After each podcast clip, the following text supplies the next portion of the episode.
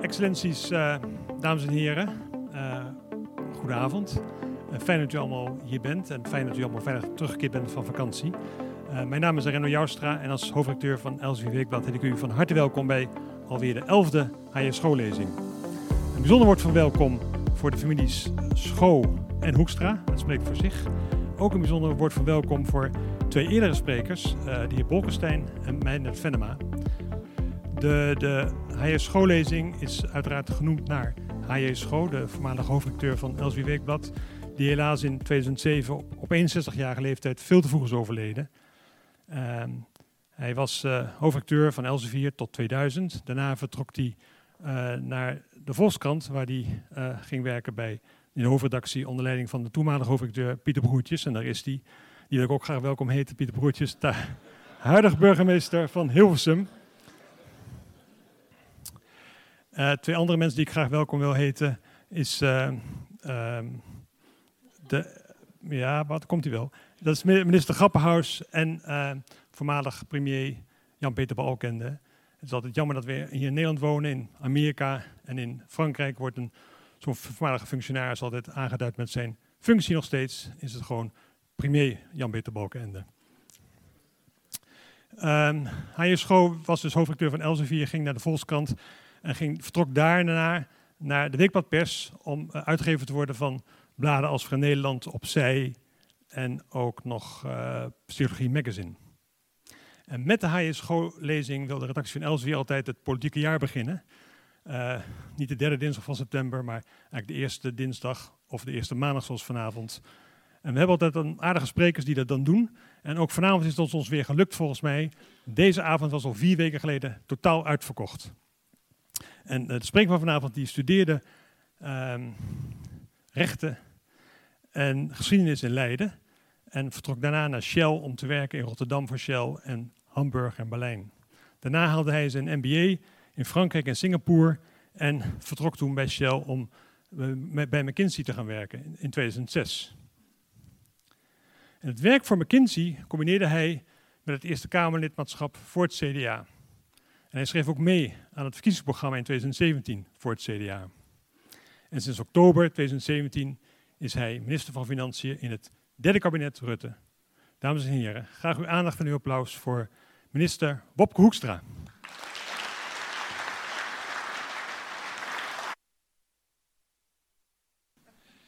Dames en heren, wat een eer om vandaag deze lezing te mogen geven. In de naam van Hendrik Jan Schoo, een intellectueel met een geest zo scherp als een mes en zo rijk als een bibliotheek. Ik heb het voorrecht vandaag maar liefst een uur hier voor u te staan. Een uur, u hoort het goed. Voor zekerheid heb ik het nog even bij de hoofdredacteur nagevraagd. De spanningsboog van een gemiddelde luisteraar schijnt namelijk niet veel langer te zijn dan 20 minuten.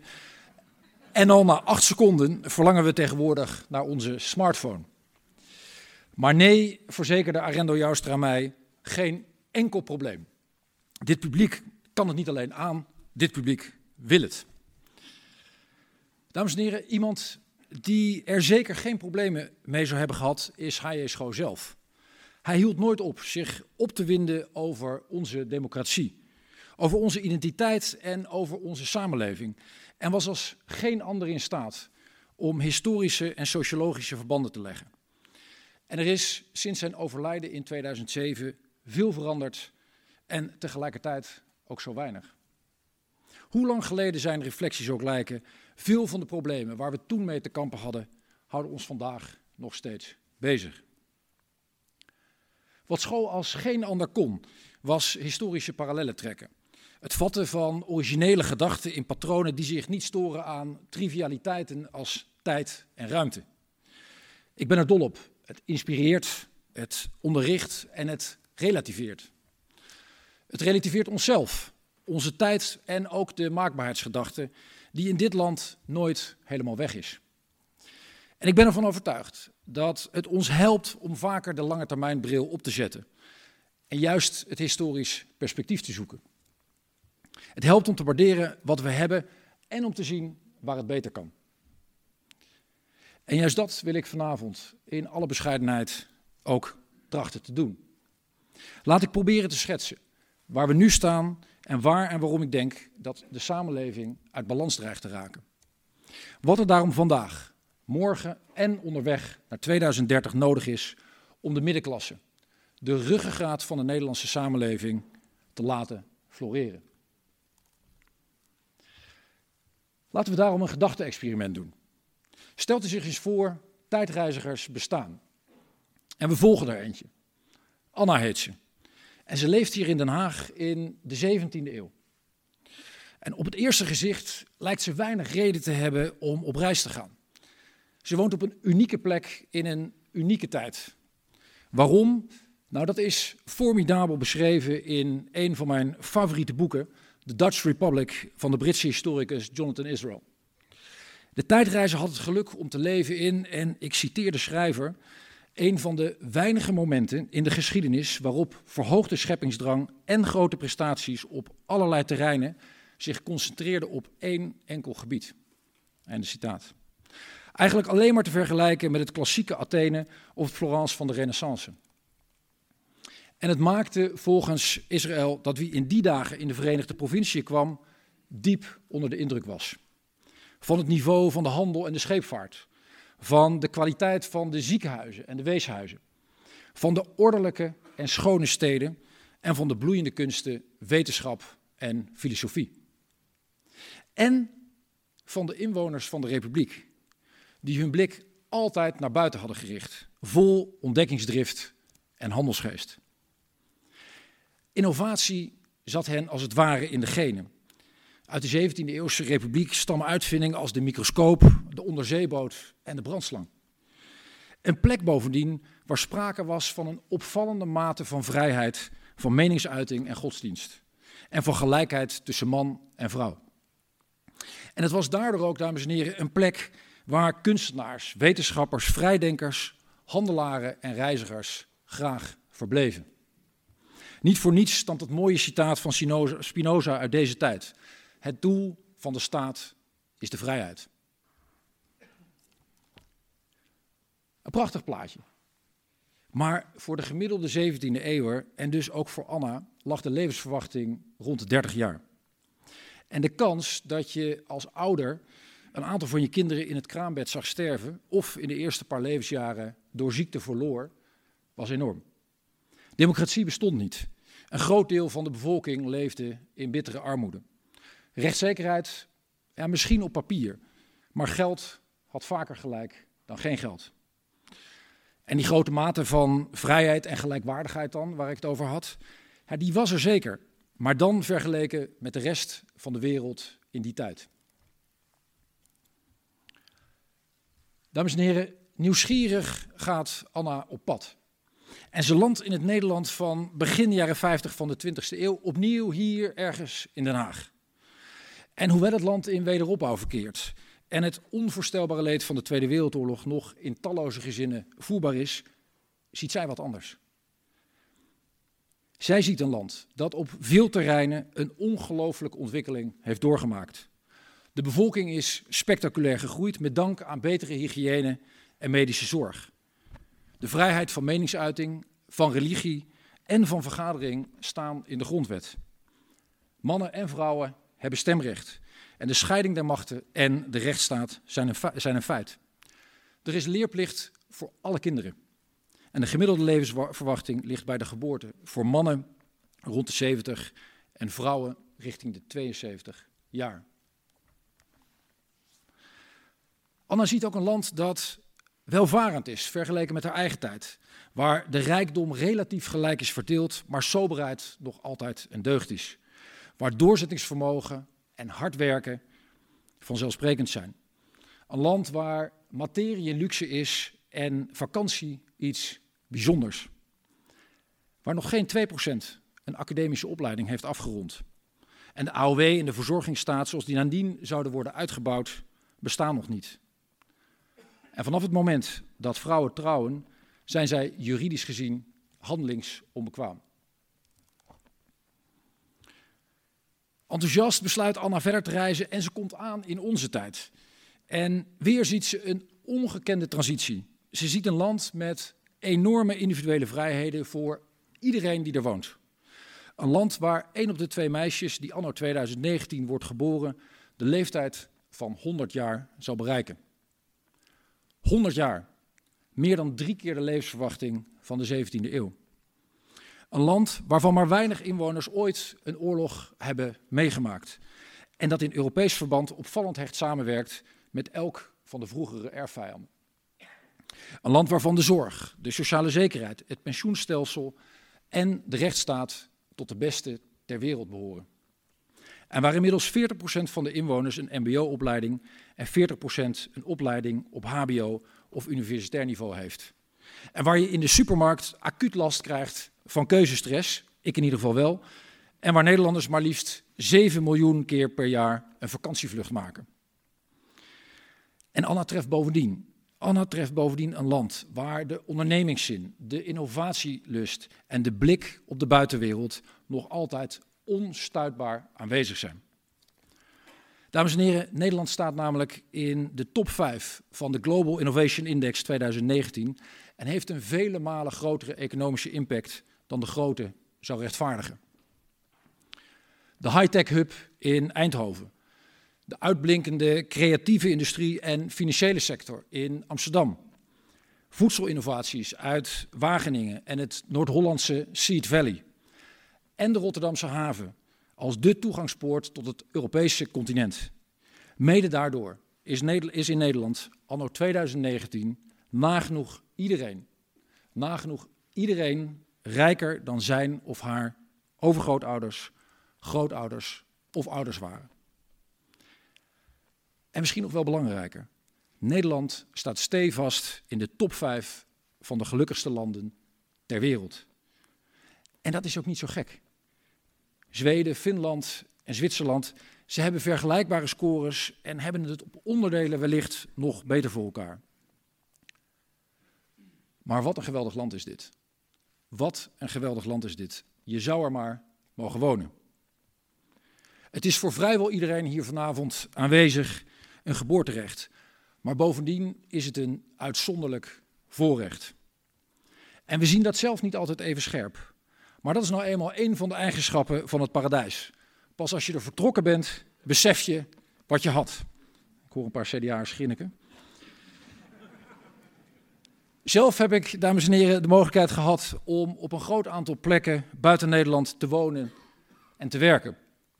En juist buitengaats realiseer je eens te meer wat voor een unieke plek en wat een ongeëvenaarde schat aan vrijheid, verworvenheden en welvaart vorige generaties Nederlanders aan ons hebben doorgegeven.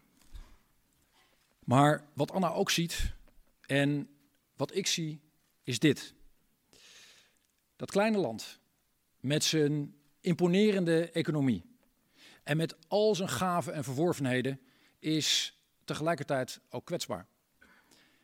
En veel van de mensen die de ruggengraat vormen van dit land en die we vaak als de middenklasse omschrijven, zijn kwetsbaar. Kwetsbaar door wat er de afgelopen jaren al veranderd is, maar vooral kwetsbaar door wat er de komende jaren nog veranderen gaat. Want laten we wel zijn, de geopolitieke uitdagingen van wat mijn grootouders het Vrije Westen noemden, zijn enorm. En de manier waarop we met elkaar de Europese samenwerking hebben vormgegeven, is zowel oplossing als probleem.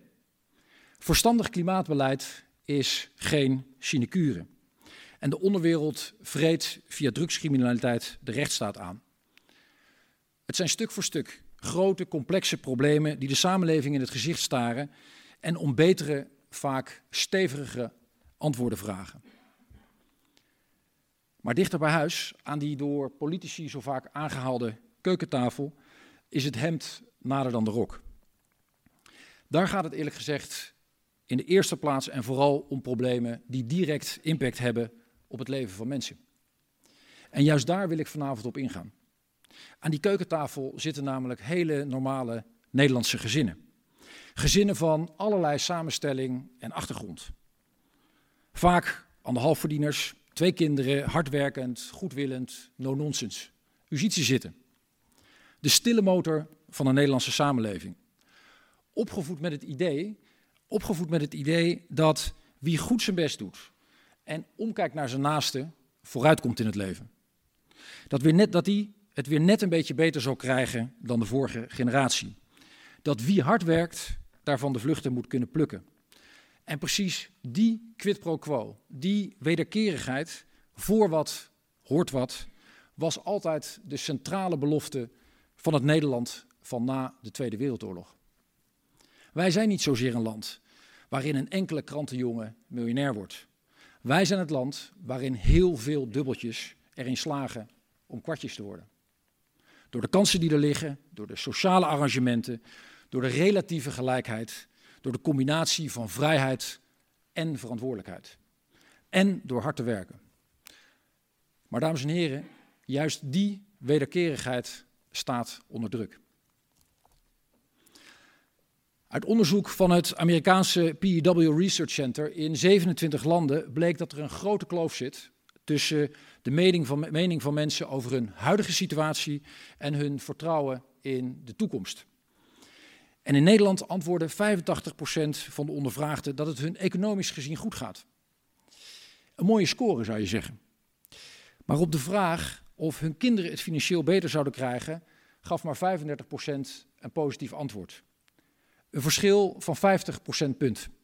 In geen ander land, in geen ander land was dat verschil zo groot. Dames en heren, precies dat is wat in Amerika wel de fear of falling wordt genoemd. De fear of falling van de middenklasse. De angst om te verliezen wat verworven leek. Om van een kwartje opnieuw naar een dubbeltje te moeten. Onzekerheid over de toekomst. En die zorgen zijn terecht. Want oude en vertrouwde economische zekerheden staan juist voor die middenklasse onder druk. Een vaste baan? Ja, de meerderheid van de Nederlandse werkenden heeft er een. Maar van de 8 miljoen werkenden hebben we er inmiddels 2 miljoen met een tijdelijk contract en een miljoen ZZP'ers. En nergens in Nederland, of nergens in de wereld, nergens in Europa moet ik zeggen, groeit het aantal ZZP'ers zo hard als in Nederland. Studeren omdat je er het talent voor hebt? Ja, het kan in Nederland. Maar niet meer zonder schulden te maken. Een eigen huis, een voorspelbaar pensioen, lonend werk. Allemaal minder zeker dan ze waren. En veel Nederlandse gezinnen zijn zelfs in tijden van economische hoogconjunctuur maar één kapotte wasmachine verwijderd van financiële problemen. Het zijn thema's die langzamerhand ook door de politiek zijn ontdekt en waar gretig deeloplossingen voor worden aangedragen. Maar eerlijk gezegd denk ik dat de problematiek fundamenteler is dan vaak wordt gedacht. En laat ik toelichten waarom. Ons land zal de komende jaren steeds verder vergrijzen met onherroepelijk gevolgen voor onze verdiencapaciteit. En nou is onze economie weliswaar innovatief en draait momenteel nog goed. Maar dan eerlijk gezegd toch vooral in vergelijking met de rest van Europa. Niet met de rest van de wereld. Bovendien investeren we als Nederland bar weinig in de economie van de toekomst. Artificial intelligence, big data, nanotechnologie, biotech. We doen er in Nederland te weinig aan mee. In de top 15 van de belangrijkste techbedrijven ter wereld staat geen enkel Nederlands en overigens ook geen enkel Europees bedrijf. Er bestaat geen Europees Google, geen Europees Facebook en geen Europees Alibaba. En als we zo doorgaan, komen die er ook niet. En daar komt nog bij dat de lastendruk in Nederland nu al zeer hoog is. Die lastendruk is overigens geen toevalligheid die we pijnloos even ongedaan kunnen maken, zoals sommige politici wel eens suggereren. Die hoge lasten zijn namelijk het gevolg van een andere politieke keuze. De keuze voor zeer hoge publieke uitgaven. En van die totale uitgaven gaat maar een heel beperkt deel naar wat je de klassieke overheidstaken zou mogen noemen. Defensie, infrastructuur en veiligheid. Of naar investeringen in onze verdiencapaciteit. Meer dan de helft van onze uitgaven gaat naar de sociale zekerheid en de volksgezondheid. En bovendien is alleen al de groei van de kosten voor de volksgezondheid in deze kabinetsperiode groter dan de totale jaarlijkse uitgaven aan defensie. Interessant. En wat doet het ertoe? Vraagt u zich wellicht af. Het doet ertoe, dames en heren, omdat economische zekerheden die steeds verder op de helling komen te staan. In een vergrijzend land met een hoge consumptie en een matig groeiperspectief, juist voor de middenklasse potentieel een giftige cocktail is. En ik ben dan ook geneigd om een sombere tussenconclusie te trekken. En die is, als wij niet ingrijpen, dan zal het er voor de middenklasse de komende decennia slechter in plaats van beter op worden. En zal de wederkerigheid waar ik net aan memoreerde verder onder druk komen te staan. Met economische onzekerheid, maar ook met politieke en maatschappelijke spanningen tot gevolg. Dames en heren, aan de keukentafel speelt nog een tweede onderwerp. En opnieuw een onderwerp dat bijdraagt aan de onzekerheid en waar we de combinatie van geven en nemen, van rechten en plichten, van wederkerigheid uit het oog zijn verloren. En laat ik dat illustreren met een, door me een uitstapje te veroorloven van de keukentafel naar de spreekkamer. Om preciezer te zijn, de spreekkamer van een vrouwelijke huisarts die ik goed ken. De huisarts roept eh, niet-westerse migranten naar binnen. En deze vrouw wordt vergezeld door haar man, die weigert om de huisarts bij binnenkomst een hand te geven. En in de spreekkamer neemt deze man in gebroken Nederlands het woord en geeft aan welke behandeling er nodig is. Terwijl zijn vrouw zwijgt en naar de grond kijkt. Waarop de huisarts aangeeft graag eerst van de patiënt zelf, die ook enig, enig Nederlands spreekt, te willen vernemen wat precies haar klachten zijn. Maar dat is tegen het cerebeen van de man, want hij praat namens zijn vrouw, hij kent haar klachten en het is voor hem ook helder welke behandeling er moet volgen. En nee, zijn vrouw hoeft trouwens ook niet onderzocht te worden. En na enig heen en weer praten zegt de huisarts uiteindelijk, ja het spijt me, maar op deze manier kan ik u beiden niet helpen. Waarop de man in woede ontsteekt, de huisarts toesnauwt dat een dokter in Nederland verplicht is om iedere patiënt te behandelen en met zijn vrouw de spreekkamer weer verlaat. Dames en heren, wat vind ik nou zo ingewikkeld aan dit voorbeeld? Eerlijk gezegd, alles. Het geen hand willen geven, wat ik kortheidshalve vertaal als het je de rug toekeren naar artikel 1 van de grondwet. De beperkte taalbeheersing, het Nederlands dat deze man kennelijk niet heeft kunnen of willen leren. En wat onze samenleving, wat onze samenleving kennelijk ook niet heeft kunnen of willen afdwingen. De tweederangspositie van zijn vrouw, die het verschil in mate van emancipatie scherp aftekent en laat zien hoe groot de kloof is tussen wat wij normaal vinden en wat in te veel migrantengezinnen de situatie is. En tenslotte het op hoge toon opeisen van zijn rechten, al moet ik deze meneer dan wel nageven dat hij op dat punt weer verrassend snel is ingeburgerd. Ik weet wel, ik weet wel, dit voorbeeld is geen pas pro toto voor de integratie van nieuwkomers. En er is een scala aan voorbeelden van migranten die met een enorme dosis initiatief en doorzettingsvermogen een groot succes van hun leven hier weten te maken. U kent de voorbeelden ongetwijfeld zelf. En ik heb het zelf gezien bij McKinsey. Ik zie het dagelijks bij een aantal jonge talenten op het ministerie van Financiën. En ik heb het van nabij gezien bij een Syrische vluchteling die ik een paar jaar geleden heb geprobeerd om te helpen met het leren van Nederlands. Laat ik op dit punt dus net zo helder zijn. Zij en iedereen die hier woont en alles op alles zet om er wat van te maken, moet door dik en dun kunnen rekenen op onze steun. Maar er is op het terrein van migratie en integratie tegelijkertijd veel, te veel, dat nog altijd niet goed gaat. En het is dan ook geen wonder dat de helft van de bevolking inmiddels onomwonden zegt dat er te veel migranten zijn en zich zorgen maakt over integratie.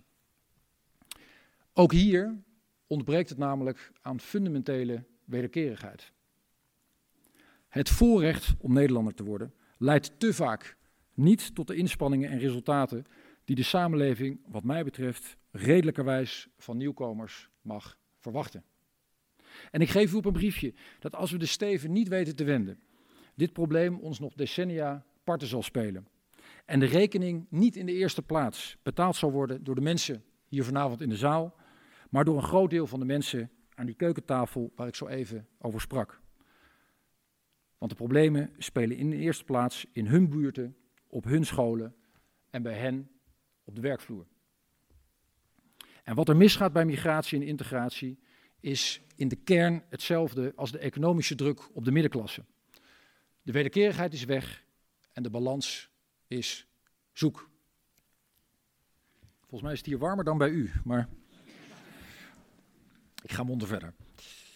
Dames en heren, het is een mooie avond, maar ik ga nog even door met problematiseren.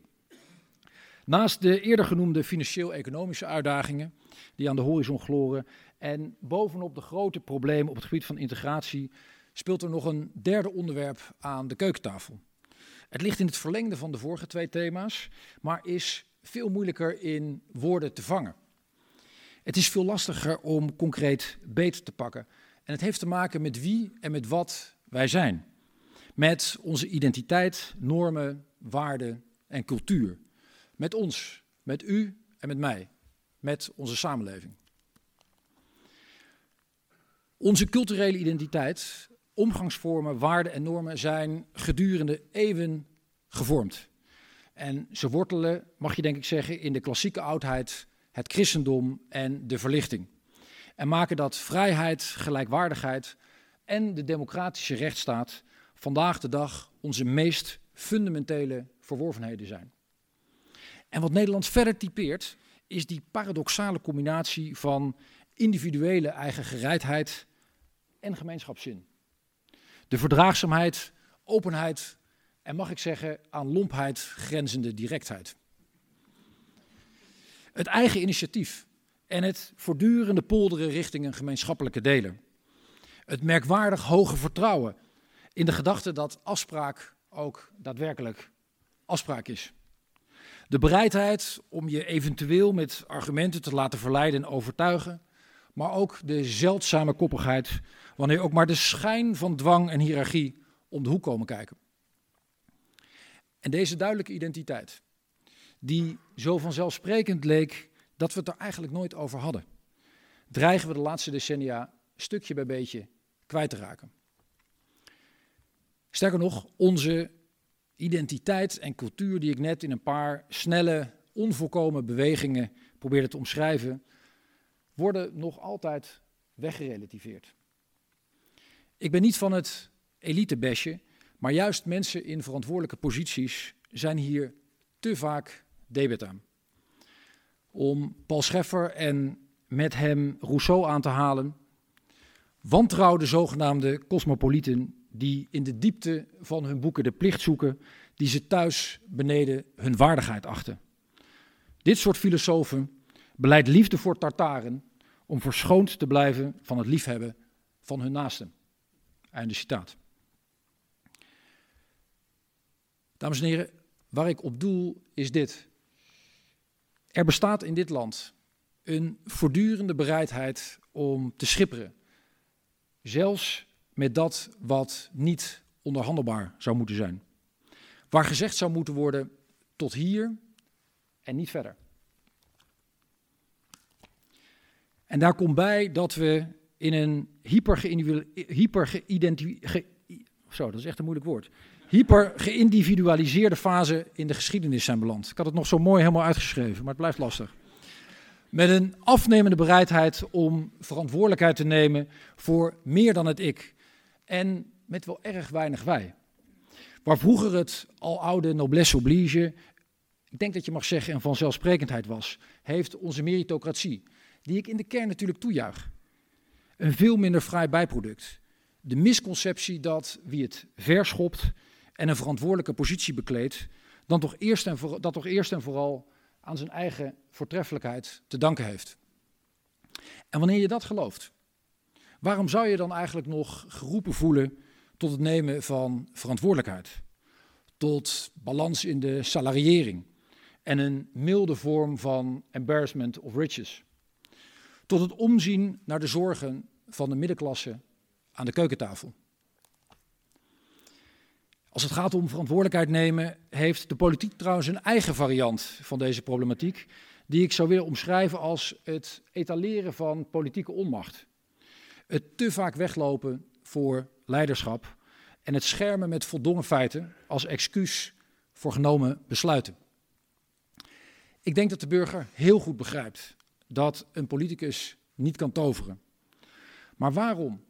Waarom zou je op iemand stemmen die voortdurend uitlegt dat hij het zelf eigenlijk ook niet wilde, maar dat het niet anders kon?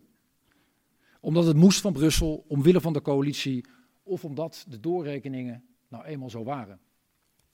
Die etaleert niet in controle te zijn en die meedrijft op de stroom of het getijde van de dag. En ook dat, ook dat leidt aan die keukentafel tot onzekerheid. Er is iets dat de zorgen van vooral onze middenklasse, de economische zorgen, de zorgen over integratie en de zorgen over onze identiteit met elkaar gemeen hebben. Op elk punt, elk van deze punten, dreigt de Nederlandse samenleving uit het lood geslagen te worden. Op elk van deze punten verliezen we het zicht op wat redelijk is en wat niet meer. Op ieder van deze punten zijn we de balans kwijt tussen rechten en plichten. Tussen wat we nemen voor onszelf en wat we bereid zijn te geven aan het land, aan de gemeenschap. Tussen vrijheid en verantwoordelijkheid en tussen wat logisch is om te tolereren en wat het verdient om verdedigd te worden. En nee, natuurlijk staan we niet aan de rand van de afgrond. Maar we moeten wel aan de slag. En dat kan ook. Want zo weinig als ik geloof in de maakbaarheidsgedachte, zo sterk ben ik overtuigd van het menselijk vermogen om te kiezen, om dingen aan te pakken, om zaken te veranderen en te verbeteren. En dat kan juist. Dat kan juist in een land als Nederland, waar mensen in staat zijn de bakens te verzetten. Waar de traditie van samenwerken en vooruitkomen al zo oud is als de strijd tegen het water. Daarom vind ik dat we samen aan de slag moeten met een nieuw maatschappelijk evenwicht. Een hernieuwde schets waarin we vormgeven onder welke voorwaarden wij samenleven. En hoe we als overheid, bedrijfsleven, vakbonden, maatschappelijke organisaties en burgers gezamenlijk verantwoordelijkheid nemen voor ons land. Door te kiezen voor wederkerigheid, zodat rechten en plichten wel weer hand in hand gaan. Door vrijheid te paren aan verantwoordelijkheid. Door de lange termijn vaker te laten prevaleren boven de korte. Door geen millimeter, door geen millimeter af te doen aan onze individuele vrijheden. Maar tegelijkertijd de verhouding tussen ik en nu en wij en later recht te trekken. Een nieuwe balans. Een nieuwe balans waarin de positieve verworvenheden van het individu weer in evenwicht zijn met de belangen van het collectief. Dames en heren, laat ik die wederkerigheid, het kiezen voor de lange termijn en het hervinden van verantwoordelijkheid proberen verder in te kleuren. U kent het gezegde, eerst komt das fressen en dan komt die moraal. Laat ik daarom met de economische onzekerheid beginnen. Juist omdat ik ervan overtuigd ben dat er geen aanvaardbaar alternatief is voor de vrije markteconomie. En juist omdat handel, nijverheid en ondernemerschap ons zoveel goeds brachten en brengen, denk ik dat er op het hedendaagse kapitalisme een correctie nodig is. Laten we daarom op zoek gaan naar een nieuw evenwicht tussen, met excuus voor de jaren 70 taal, de factoren kapitaal en arbeid. Naar een gemeenschappelijke opvatting over wat we van elkaar mogen verwachten in de relatie bedrijfsleven, overheid en burger. En daarbij is mijn vertrekpunt dat Nederland een samenleving blijft waar de belofte centraal, staat dat wie zich inspant daar ook voor wordt beloond. Waar Nederlanders er in redelijkheid op mogen vertrouwen dat als je je best doet, je een goed bestaan voor jezelf en je kinderen kan opbouwen. Waar er voor iedereen, waar er voor iedereen daadwerkelijk gelijke kansen zijn, ongeacht het inkomen van je ouders. En waar de mogelijkheid tot sociale mobiliteit een rotsvaste verworvenheid blijft. Zodat de fear of falling wordt ingedampt en plaats maakt voor de hope of rising. En daarom moet de politiek met werkgevers en werknemers in gesprek over hoe die nieuwe balans van rechten en plichten eruit ziet. Hoe we zorgen voor en lange termijn verdienvermogen en bestedingsruimte voor werknemers en meer zekerheden voor onze burgers. En ik zou werkgevers daarbij willen uitdagen om te kijken hoe ze werknemers meer zekerheid kunnen bieden. Hoe ze kunnen zorgen voor extra loonruimte en in hoeverre het mogelijk is om werknemers vaker te laten participeren in de onderneming. En hoe ze de balans kunnen aanbrengen tussen loonstijgingen aan de top en op de werkvloer. Zoals overigens veel familiebedrijven dat al jarenlang doen. Niet omdat ik er ook maar iets op tegen heb wanneer mensen veel verdienen, maar omdat het zoveel zegt over gezamenlijkheid. En ook van de werknemersorganisaties mogen we een bredere blik verwachten. Voorbij de korte termijnbelangen van de dominante groep in hun ledenbestand. En naar het lange termijnbelang van alle Nederlandse werknemers. ZZP'ers en mensen met een vast contract. Mensen die richting hun pensioen gaan en starters. Hoe kunnen we op een evenwichtige en redelijke manier al die belangen vertegenwoordigen op het gebied van scholing, op het gebied van zekerheden en op het gebied van fatsoenlijk werk? Hoe kunnen we inzetten op contracten die weer gewoon vast zijn, maar tegelijkertijd niet zo rigide dat werkgevers alleen met de grootst mogelijke moeite van dysfunctionerend personeel afkomen? En wat vraagt dat van de politiek? Van de politiek vraagt het vooral een principiële keuze voor verstandig, voor verstandig investeren in plaats van financieel uitdijen als automatisme. En dus voor de lange termijn in plaats van de korte termijn. Het betekent dat we mensen de zekerheid moeten geven dat hun kinderen elke opleiding kunnen volgen die bij hun talenten past, ongeacht wat hun ouders verdienen. Maar het betekent ook dat er het komende decennium op verstandige wijze moet worden ingegrepen in de uitdijende kosten van de volksgezondheid en de sociale zekerheid. En het betekent dat we onderweg naar 2030 de lasten moeten verlichten en financiële manoeuvreerruimte moeten creëren voor de middenklasse, zodat zij in staat zijn om onverwachte tegenslagen op te vangen. Maar het betekent ook dat heilige huisjes, of het nu toeslagen, subsidies of ZZP-facilitering is, op de helling moeten kunnen worden gezet. En het betekent dat het verstandig is om te onderzoeken hoe we, gebruikmakend van de uitzonderlijk lage rente, fundamenteel kunnen investeren in het lange termijn verdienvermogen van Nederland. Ik las in de krant dat sommigen in Den Haag hierbij zelfs denken aan een fonds, maar daar kan ik tot Prinsjesdag niks over zeggen. Dames en heren, dan het, het onderwerp immigratie en integratie en de aanvliegroute die ik daar voor me zie. Als er één onderwerp is, als er één onderwerp is waarbij wederkerigheid het sleutelwoord is, dan is het dit. Op allerlei niveaus. Allereerst het Europese niveau. Ik vind dat Nederland genoeg aan Europa betaalt. En tegelijkertijd vind ik dat we het voortouw moeten nemen om meer te investeren in het beschermen van onze gezamenlijke buitengrenzen. Zodat we de volledige controle over die grenzen terugkrijgen. Dat is namelijk goed besteed geld. Net zoals ik het verstandig vind om geld te steken in de regio's aan de randen van Europa. Om het gros van de opvang daar te laten plaatsvinden. Maar ook om erbij te dragen. Ook om erbij te dragen aan stabiliteit, ontwikkeling en voorspoed. En voor zover Nederland en andere lidstaten vervolgens kiezen voor opvang, is niet zo eerlijk is niet zo eerlijk en redelijk als spreiding over die lidstaten. En lukt dat niet? Lukt dat niet omdat sommige landen het weigeren?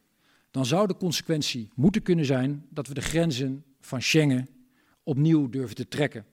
Samen met landen als Duitsland, Frankrijk en Oostenrijk. En zou de consequentie moeten zijn dat dit gevolgen heeft voor de lidstaten die financieel wel aan het Europese infuus hangen, maar migranten ondertussen vrolijk doorverwijzen naar Noordwest-Europa. En is het vervolgens niet verstandig? Is het niet redelijk, juist tegenover onze eigen middenklasse, om te definiëren welke mate van immigratie en integratie we succesvol kunnen dragen? Ligt het niet voor de hand om er bij het opnemen van vluchtelingen voor te zorgen dat tijdelijk ook echt tijdelijk is? En moet de lat daarnaast niet aanzienlijk omhoog voor wie hier mag blijven, zodat iedereen succesvol onderdeel van de samenleving kan worden? Dames en heren, ik denk het wel. En ik denk ook dat het redelijk is. Dat het getuigt van wederkerigheid. Het totale palet aan rechten, verworvenheden en kansen dat ik eerder vanavond heb bezongen, is er voor een ieder die hier naar binnen mag. Ongeacht zijn of haar afkomst, geloof, ras, geslacht of geaardheid. En dat is een ongeëvenaard mooi aanbod. En juist dat gegeven, juist dat gegeven zou ons het basale zelfvertrouwen moeten geven om tegen wie hier over de drempel komt te zeggen graag of niet. En zo ja, dan onder heldere voorwaarden. Zijn het harde, strenge, moeilijk te realiseren voorwaarden? Nee. Integendeel. Het zijn volstrekt redelijke zaken om te vragen. Zoals te zorgen voor brood op de plank. Omdat je daarmee elementaire verantwoordelijkheid neemt voor je eigen leven. Maar ook omdat aan het werk zijn zo enorm bijdraagt aan integreren, aan deel uitmaken van de samenleving, ja, aan levensgeluk. Zoals de taal leren spreken. En wel op een aanmerkelijk hoger niveau dan nu vaak gebeurt. Zoals het onder geen beding tegen een straflat aanlopen. En zoals het accepteren van de scheiding tussen kerk en staat. Zoals het omarmen van de gelijkwaardigheid van man en vrouw, hetero en homo, jood, christen en moslim. Zoals je te conformeren aan de democratische rechtsstaat. En om het Nederlanderschap over een langere periode stap voor stap te verdienen. Wie dat doet, wie hier echt werk van maakt, moet vervolgens ook ten volle kunnen rekenen op onze wederkerigheid. Op wederkerigheid vanuit de samenleving. Op alle rechten en verworvenheden en op steun vanuit de politiek, bijvoorbeeld waar sprake is van discriminatie. En naar mijn overtuiging is dat niet alleen in het belang van al die Nederlandse middenklasse gezinnen aan de keukentafel, maar net zozeer in het belang van nieuwkomers. Ik zei het al eerder, en het geldt voor iedereen. Het is geen recht, maar een uitzonderlijk voorrecht om in dit geweldige land te mogen komen wonen. En als je al die zaken die bij het Nederlanderschap horen eigen maakt, geef je jezelf een groot cadeau. Om de centrale gedachte uit Renans Qu'est-ce nation te parafraseren, kies jij voor Nederland, dan kiest Nederland ook voor jou. Dames en heren, tenslotte over ons. Over onze waarden, cultuur en identiteit. Het cement dat deze wonderbaarlijke delta bijeenhoudt. Aanhoudend cultuurrelativisme, het etaleren van onmacht, te weinig wij en afkalvend verantwoordelijkheidsbesef, somberde ik zo even. En om het nog wat ingewikkelder te maken, dit soort cultuurkritiek laat zich maar moeilijk oplossen met een lijstje maatregelen. Ik zou natuurlijk dolgraag willen dat ik als minister van Financiën met het aanpassen van de begroting of het verhogen of verlagen van een specifieke belasting dit cement van waarde, cultuur en identiteit in één klap zou kunnen verstevigen. Maar zo simpel is het natuurlijk niet. Er is geen pasklare oplossing voor. En het is ook niet van de ene op de andere dag gedaan. Maar het goede nieuws is, we kunnen er wel degelijk mee aan de slag. Vanaf vandaag. Wat die kennelijke verleiding van het cultuurrelativisme betreft, laten we om te beginnen vaker, krachtiger en op veel meer plaatsen dan nu het geval is onder woorden brengen wat onze verworvenheden zijn en hoe enorm die zijn. Individuele vrijheden, gelijkwaardigheid, de democratische rechtsstaat, verdraagzaamheid, openheid, gemeenschapszin. Nee, het is hier niet perfect. Maar het is hier wel oneindig veel beter dan vrijwel overal ter wereld. En laten we juist daaraan ook hernieuwd zelfvertrouwen ontlenen, om dat hardop te durven zeggen. Om er normerend over te zijn en om er keihard voor op te komen wanneer deze wortels van onze way of life in het gedrang komen.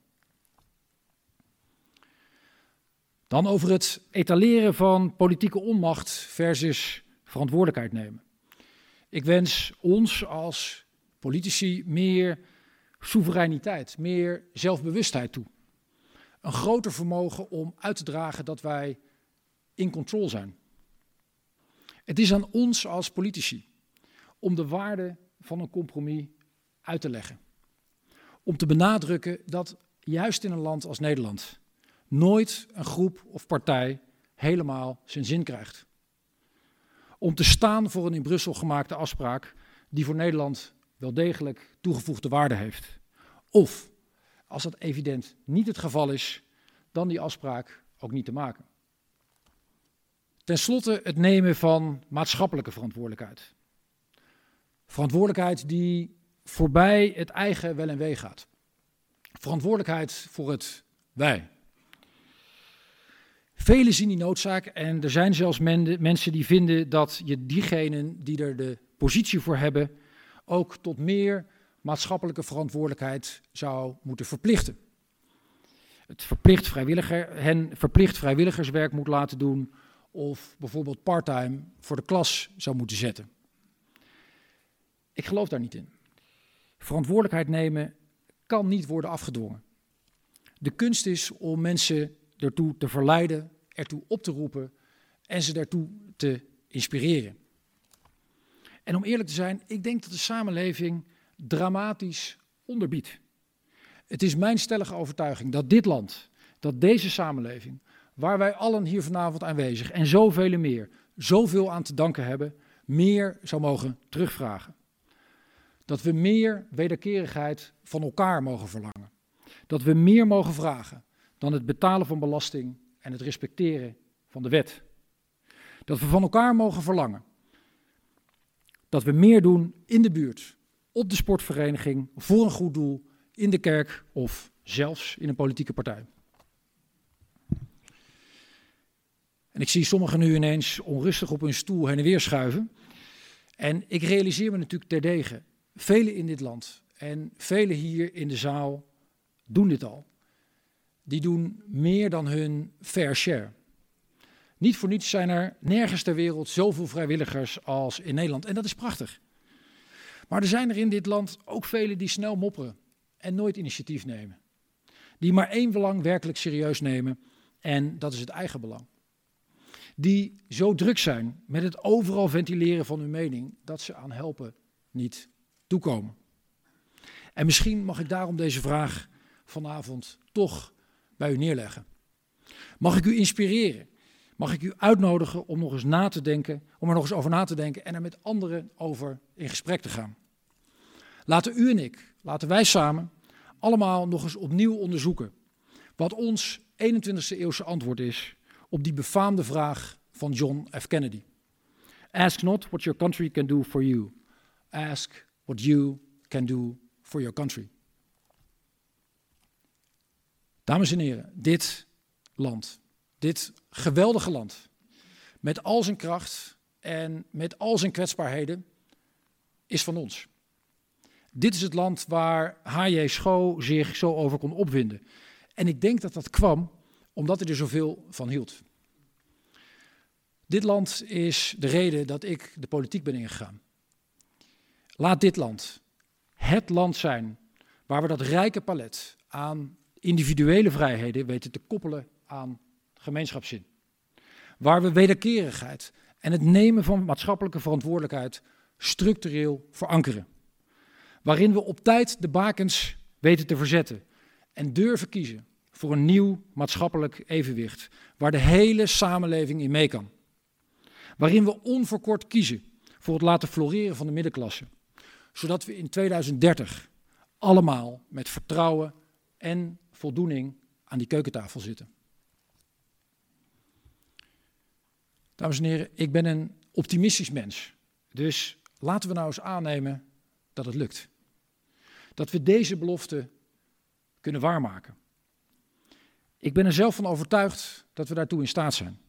Een samenleving met onze tradities van samenwerken en de schouders eronder, die kan dat. Dan kunnen we ons land, dat we op de keper beschouwd eigenlijk gewoon een paar decennia te leen hebben, straks met vertrouwen doorgeven aan de volgende generatie. Nog weer net een beetje beter dan we het hebben gekregen. Zodat, als onze tijdreiziger Anna, u was er al bijna vergeten, in 2100 aankomt en de schoollezing van dat jaar hoort, de spreker ongetwijfeld zal starten met een terugblik op de fantastische eeuw die dan achter ons ligt. Dank u wel.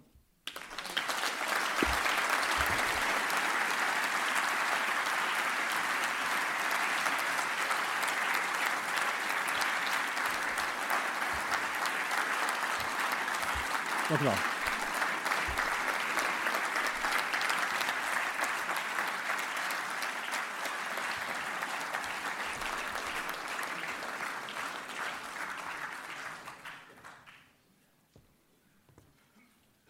Fantastische toespraak, uh, heel breed uh, over het Nederland van morgen. Daar gaan we straks verder over praten hier. Ik, uh, deze bloemen zijn voor die arme huisarts, die is uitgescholden.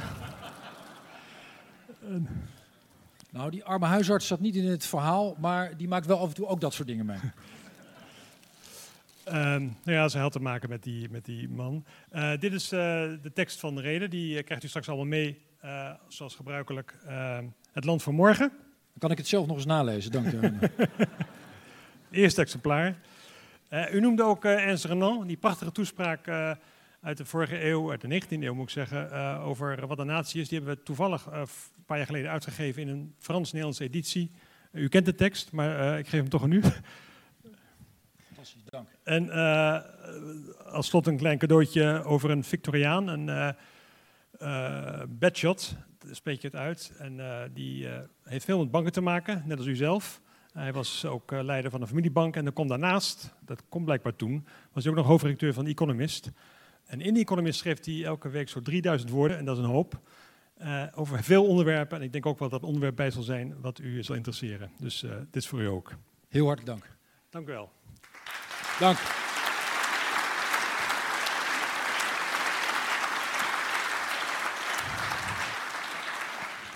En het is uh, hier inderdaad warm en we willen misschien allemaal graag een biertje drinken, maar we gaan toch nog eventjes een soort vraag- en antwoord sessie doen. Het was een brede toespraak waarin u eigenlijk het woord evenwicht uh, en, en, ook uh, de wederkerigheid centraal stelde. En misschien is wederkerigheid wel het tegenbeeld van uh, het woord solidariteit, wat in sommige andere kringen, politieke kringen, wordt gebruikt en dan graag via de overheid. Ook aardig dat u dat wederkerigheid op drie vlakken schetst. op, de, op de middenklasse, op immigranten en ook wel op identiteit. En ook aardig dat u eigenlijk uw eigen politieke klasse kapitelde, ehm, die te veel onmacht etaleren. Grappig dat u daarbij natuurlijk uit naar, verwees naar Brussel, en naar de coalitieverhoudingen, maar ook naar de doorrekeningen. En als nou typisch iets wat altijd de minister van Financiën doet, is natuurlijk de doorrekeningen die alles moeten bepalen. Dus dat wordt nog interessant bij de komende besprekingen. Um, als we nu zo'n vraag-antwoord sessie doen, dan trek je zo'n toespraak uit, uit, elkaar eigenlijk. Dan ga je op hele kleine dingen uh, focussen. Maar dat is niet anders. Als ik eerst een aftrap mag geven, dan wil ik toch even terug naar die immigranten, waarin u zegt dat die vluchtelingen moeten eigenlijk tijdelijk blijven hier. En, en de vraag is of, of hoe, hoe, u dat gaat regelen, die tijdelijke verblijf, uh, een tijdelijk verblijf, dat u dat vast kan leggen. Nou, mijn, mijn, mijn, mijn punt is natuurlijk breder. Want ik vind dat die wederkerigheid in het hele immigratie- en integratiedebat, uh, in die hele problematiek zou moeten terugkomen. En wat mij betreft zou het moeten beginnen met opvang in de regio. En vervolgens, eh, voor zover je daar als Europa toe besluit, nadat je als Europa hebt besloten om die buitengrenzen beter te beschermen, vind ik dat je moet kiezen voor wederkerigheid tussen die lidstaten. En als je dat dan vervolgens geregeld hebt, ja, dan komt pas de vraag, maar dat is wel de vraag aan het einde van de keten, over hoe je omgaat met migratie in Nederland. En het is waar, ik denk dat we ook op het terrein van wie hier mag komen, maar uiteindelijk niet mag blijven, uh, dat we op dat terrein echt nog werk te verzetten hebben. Want ik, ik meen, ik heb de cijfers niet helemaal in mijn hoofd, maar ik meen dat ongeveer de helft van de mensen die is afgewezen, in ieder geval niet door de Nederlandse overheid gecontroleerd het land verlaat. En het interessante is dat Nederland het in dat opzicht gek genoeg nog veel beter doet dan de meeste andere landen. Ja, en daar gaat dus toch wat mis. Eh, zoals er ook wat misgaat uh, bij hoe het uh, vluchtelingenprobleem ons overkomt. Hoe we er te weinig regie op voeren als Europa. Hoe staat het met de plannen om het vluchtelingenverdrag zelf te wijzigen? Daar is een uh, ander CDA druk mee bezig geweest. Um, is dat nog gaande, in, ook in de, in de, in de EVP-fractie in, in, in, Brussel? Ja, dat blijkt dus, en dat is natuurlijk het ingewikkelde van deze problematiek. He, dat blijkt dus heel ingewikkeld. Want ja, verdragen, je bent er heel erg lang mee bezig om ze te maken. Uh, en vervolgens is het ook ingewikkeld als je de zaken aan wil veranderen, of in dit geval wil verbeteren. Maar het is wel goed om ons daarbij te, te realiseren dat dat verdrag dat stamt van net na de Tweede Wereldoorlog. Uit een hele andere situatie waarin de vlucht, uh, vluchtelingenproblematiek ook een hele andere dimensie had dan tegenwoordig. Dus ik denk dat het redelijk is en dat het ook past bij de 21e eeuw om dat verdrag bij de tijd te brengen.